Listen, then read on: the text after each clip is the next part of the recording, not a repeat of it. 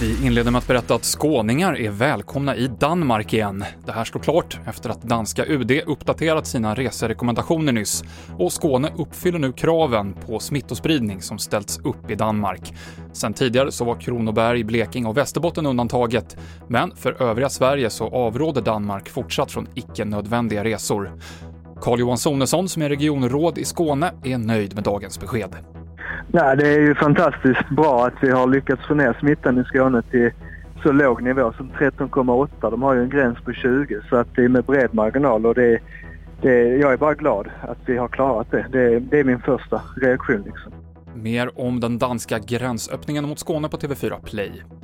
Och det senaste dygnet har det registrerats 18 nya dödsfall med personer med bekräftad covid-19 i Sverige och dödssiffran är nu 5500. Och det blev fängelse för en trio som utförde en serie grova rån på Österlen och Söderslätt i Skåne i vintras. Rånarna riktade in sig på avlägsna gårdar och längst straff får en 31-årig man 6,5 års fängelse. TV4-nyheterna med Mikael Klintevall.